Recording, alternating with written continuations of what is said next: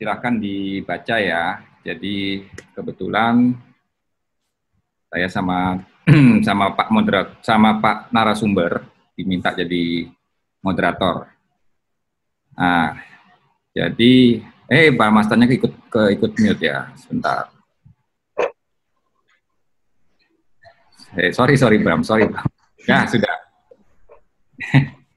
jadi uh, ini kita bisa mulai pesertanya sudah capai 38 ya. Ini minta tolong yang di skip yang dari tadi ngoceh terus silakan bergabung ke sini, pindah ke acara yang sedikit sedikit sedikit serius sedikit lah. Yang masih yang masih di kasur ya diteruskan aja itu Pak Yuda. Oke, jadi uh, hari ini kita coba bahas sesuatu yang berbeda dari daripada yang biasanya tentang investasi. Sekilas tentang bisnis dan investasi dengan studi kasus bagaimana pasangan PNS. Ini kenapa Pak? Kok enggak pasangan dokter? Betul. pasangan dokter yang mempunyai harta ratusan miliar. Soalnya kalau dokter punya ratusan miliar biasa ya. Oke, enggak itu gini karena kan ada teman-teman kita yang tidak yang masih dokter umum ya. Jadi biar merasa kalau oh mampu bisa. Regulasi mana ya?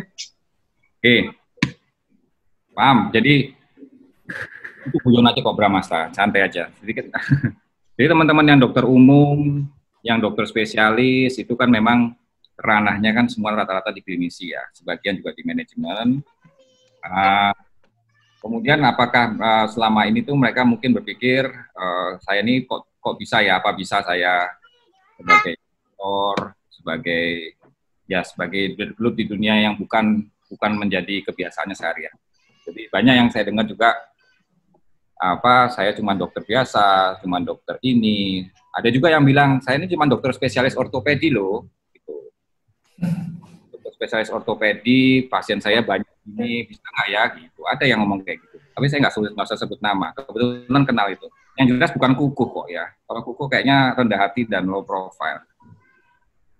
Oke, jadi uh, langsung kita mulai. Bramasta, waktu dan tempat kita persilahkan. Ya, Assalamualaikum warahmatullahi wabarakatuh. Suaranya jelas? Jelas, jelas. Jelas ya? Jelas.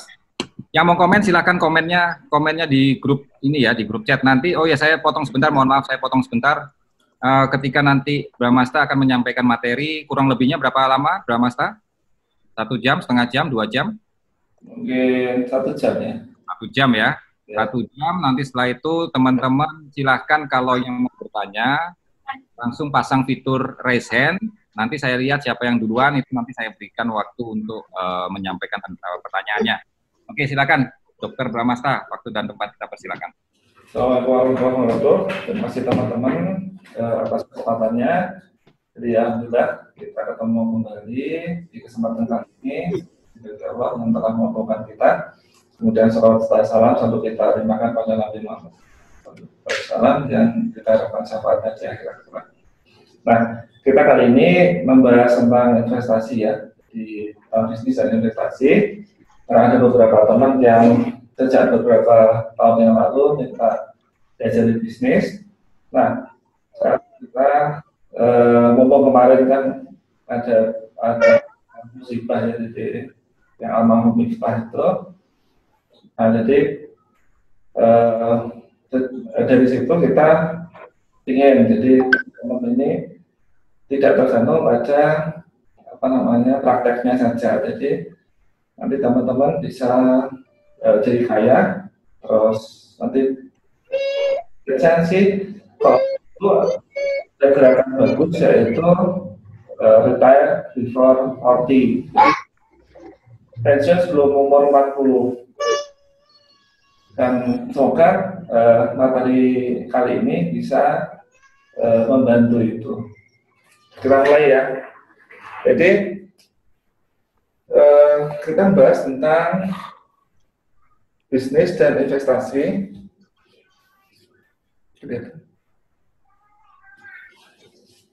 Jadi bisnis dan investasi.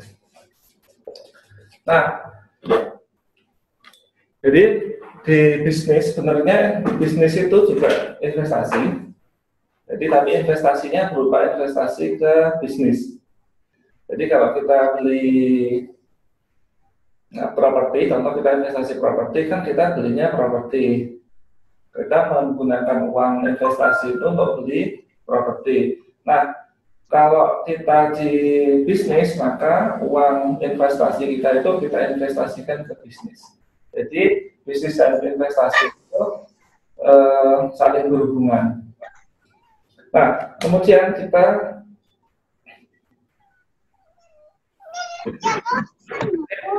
di ada studi ada studi kasus bagus ya. Jadi seorang uh, pasangan um, PNS, jadi guru SD, guru SD loh ya. Dulu sebelum sebelum Krismon itu guru S guru itu gajinya tidak besar, jauh di bawah dokter. Jadi dulu itu tahun 97 atau 98 itu saya ingat bahwa saya itu guru SMK PNS itu gajinya cuma 75 75 ribu. Dan dokter Adi spesialis penyakit dalam itu cerita kalau gajinya sebulan 20 juta. Jadi perbedaannya jauh sekali. Nah guru SD ini dia menikah tahun 76 terus di tahun 1984 itu sudah punya 175 juta berupa deposito. Terus sekitar tahun 90-an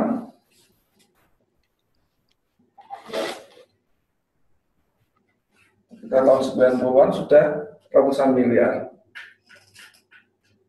Nah, pelajarannya apa? Jadi tekniknya yang digunakan adalah seperti ini. Jadi jadi gaji gaji yang didapat diberikan emas, terus emasnya diberikan tanah, tanahnya ditanami, ditanami pisang, pisangnya dijual,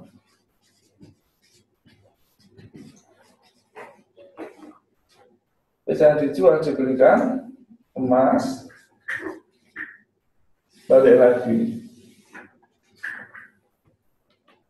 Jadi ada apa namanya ini? Ada lingkaran. Jadi lima dari gaji uang gajinya dan uang hasil penjualan pisang itu diberikan emas. Kenapa kok diberikan emas? Karena emas ini bisa nanti eh, sebagai penjaga nilai uang. Di tahun 1980-an dulu, itu inflasinya sangat tinggi. Karena inflasinya sangat tinggi, jadi emas ini naik terus harganya. Tapi karena inflasi, nah emas yang harganya bisa menjaga ini, ketika sudah terkumpul, diberikan tanah. Nah, tanahnya terus ditanami pisang, terus dari pisangnya itu buahnya dijual, daunnya dijual, batangnya dijual. Terus hasilnya diberikan emas, diputar lagi ke tanah, ditanami pisang, pisang dijual jadi emas. Terus per tahun lalu itu tanahnya lebih dari 200 hektar per hektar per hektarnya ini 3 sampai 10 juta per meter. Nah, dari sini kira-kira teman teman-teman bisa menangkap apa? Apa pelajarannya apa kira-kira? Ya, yang mendengar bisa langsung diketik di kolom chat. Kira-kira sudah sejauh ini yang dipaparkan oleh Bramasta sekilas tentang invest itu seperti apa, ya, dimulai dari seperti itu. Nah, mungkin sampai sejauh ini ada pertanyaan. Oke, okay, dari Adit Wile ini dipertanya emasnya ditahan berapa lama? Nah ini emasnya ditahan sampai dia nemu tanah yang dijual murah.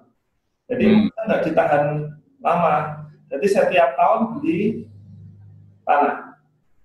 Setiap tahun beli tanah. Setiap tahun beli tanah.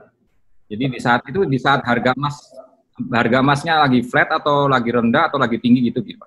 Pokoknya dia nggak beliau nggak peduli. Jadi ketika ada tanah murah, emasnya dirubah jadi rupiah, diberikan tanah itu. Jadi secara rutin ya, prinsipnya seperti nabung kalau gitu ya? Ya.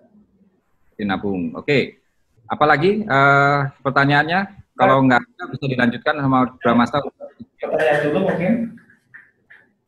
Oke, ini ada pertanyaan dari Dave. Ini di versi uh, Sebentar, Dokter Vile menanyakan, berarti nunggu tanah, harga tanah yang sesuai.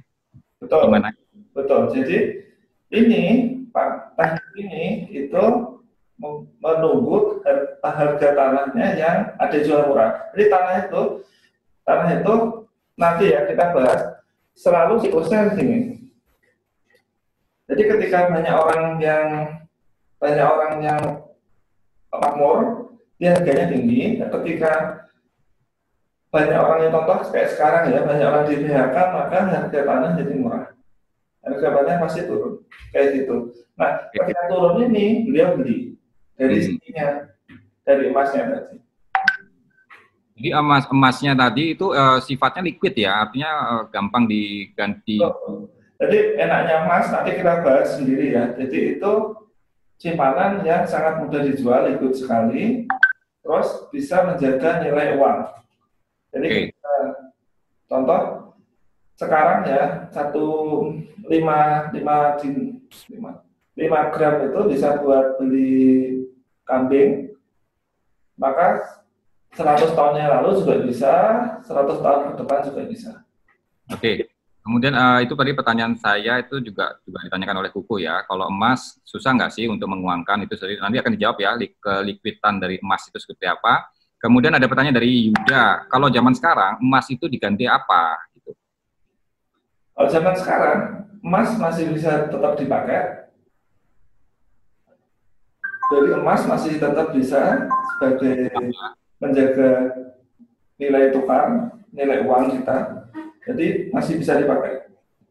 Oke, okay, oke. Okay.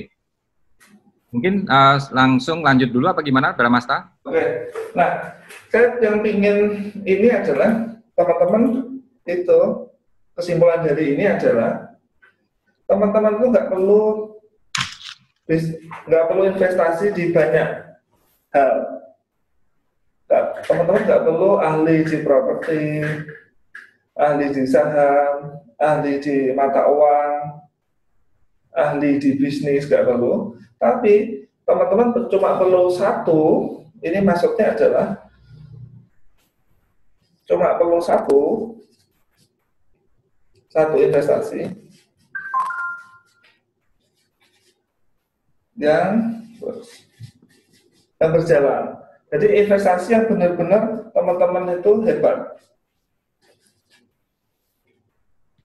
Jadi nggak perlu teman-teman nanti kita menjelaskan banyak investasi, terus teman-teman nanti merasa harus menguasai semuanya nggak perlu.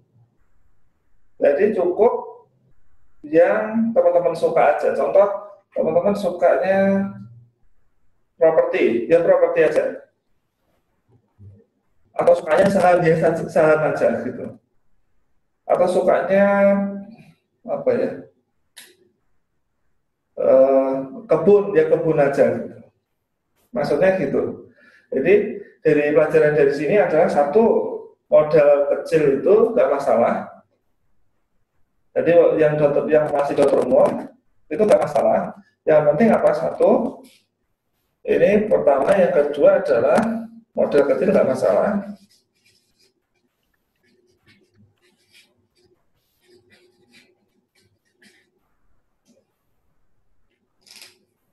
Jadi cukup satu jenis investasi aja. Yang kedua adalah modal kecilnya tidak masalah. Mungkin ada pertanyaan terkait ini?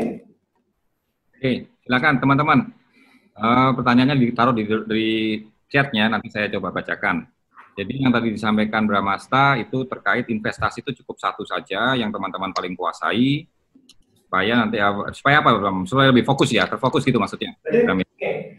Pentingnya kita menguasai satu investasi atau satu bisnis itu gini. Jadi teman-teman nanti bisa sangat dalam di situ. Contoh kita jadi ahli di properti. Jadi kita sering sekali nego tanah, nego ini, maka kita akan terhindar dari satu e, kecurangan. Jadi ada penipuan, penipuan yang melibatkan notaris kayak gitu-gitu. Kita akan bisa, e, kita akan mampu untuk mencegah itu. Terus hmm. buat teman-teman kan sebagian besar ini praktek ya. Jadi praktek, ada yang jadi dosen dan lain-lain, sehingga waktunya itu bisa fokus di satu aja satu saja, ya. Ada pertanyaan dari Ismi. Jadi tanahnya harus produktif ya, Bram? Gitu. Ah, ini. Jadi pemilihan tanahnya satu, kalau bisa itu tidak ada bangunan. Kenapa? Karena bangunan itu nilainya merosot, tanahnya yang harganya naik itu tanahnya, bangunannya merosot. Ya, ya. Kemudian uh, ini pertanyaan lanjutan pertanyaan ya, pemilikan tanah itu sebaiknya tidak ada bangunan ya. Bagaimana kalau dengan properti ya? Properti kan sebenarnya kan dia pasti berhubungan dengan bangunannya. Betul. Gimana? Nah, kalau properti harus disesuaikan, jadi nilai jual, nilai jual, nilai apa namanya itu sewanya harus dihitung dengan nilai penyusutannya. Jadi harus nilai penyusutan bangunannya itu lebih kecil daripada nilai kita menyewakan. Contoh ya, kemarin ada menti menti yang pengusaha itu beli tanah, beli rumah itu 800 atau 600 juta. Terus harga sewanya cuma 10 juta setahun. Kan berarti itu nggak ada berapa itu? Ada dua persen setahun. Padahal bangunannya penyusutannya lebih dari itu. Nah gitu lebih dari 10 juta per tahun. Nah kalau itu berarti malah dari beli dari investasi properti itu kita rugi dari bangunannya penyusutan bangunan. Oke, Ram ini uh, mumpung belum ada yang bertanya, saya coba tanya sih. Ada sih pendapat yang mengatakan kan tadi dikatakan cukup satu investasi saja. Nah, kalau bagaimana bila ada kekhawatiran? Nah, kalau satu investasi saja, terus tiba-tiba investasinya itu mengalami apa uh, kondisi yang tidak menguntungkan kan tandanya uang saya habis semua di situ. Nah, ini gimana? Jadi tempat ini. Ketika contoh saya ya. Jadi ketika kita fokus di contoh di saham, saham itu sangat dikenal uh, oleh sebagian besar orang investasi yang sangat berisiko. Tapi ketika kita fokus di sana, maka kita akan mengenali resiko itu. Jadi hmm. contoh tahun 2018 itu saya sudah in, uh, menyebar informasi kalau tahun 2019 atau 2020 akan ada krisis dan meminta Reza ejak-ejak itu buat uh, persiapan untuk investasi sahamnya biar ditarik duitnya. Jadi kenapa kok saya bisa memprediksi 2020 ini akan ada sesuatu? Karena saya fokus di sini. Gitu. Kalau orang tidak fokus, nggak akan tahu kalau akan ada sesuatu. Ya, ya, oke. Sampai sini mungkin teman-teman, ya. Jadi uh, disampaikan kalau investasi itu contohnya, salah satu contohnya itu adalah tanah, properti ya. Tapi bukan berarti bukan berarti hanya invest di bidang itu saja ya, mungkin gitu ya Pramasta ya. Jadi beliau hanya mencontohkan kaitannya sama tanah. Ya, jadi ini ada yang bertanya bagaimana cara ngitung penyusutan. Waktu saya saya pasti tahu lah, tapi kalau dibahas di sini rasanya ini ya uh, topik yang berbeda. Terus uh, ini dari Reni. Kalau tadi disampaikan tanah, berarti investasi investasi apa yang cocok pada saat pandemi ini? Eh, jadi di pandemi ini itu di semua krisis itu ada dua jenis krisis. Ada krisis yang likuiditas, intinya krisis yang apa namanya jangka intinya duit yang duit kayak dingin duit panas dari duit yang buat gaji dan lain-lain itu, itu likuiditas. Terus ada yang solvabilitas. Solvabilitas itu contohnya, maksudnya utang jangka panjang. Nah, yang likuiditas itu utang jangka pendek. Nah, kalau masalahnya seperti sekarang, COVID ini itu membuat orang membuat suplai uang di di bisnis, di ekonomi itu sedikit. Nah, karena itu karena suplai uang sedikit dan orang yang punya utang harus membayar kan, masih tetap harus melakukan cicilan, maka banyak akan banyak ya beberapa bulan lagi akan makin banyak orang yang uh, butuh uang cash. Karena itu maka properti tanah itu turun. Jadi di saat saat seperti ini malah harus uang itu dibelanjakan untuk beli aset. Jadi ketika uang karena semua ketika krisis ini negara akan melakukan stimulus, stimulus itu bikin inflasi. Nah, mumpung saat krisis ini harga aset turun, jadi kita beli aset dulu. Jadi nanti nanti kita bahas waktu di siklus bisnis, di siklus ekonomi, nanti akan nanti akan jadi jelas. Oke, okay.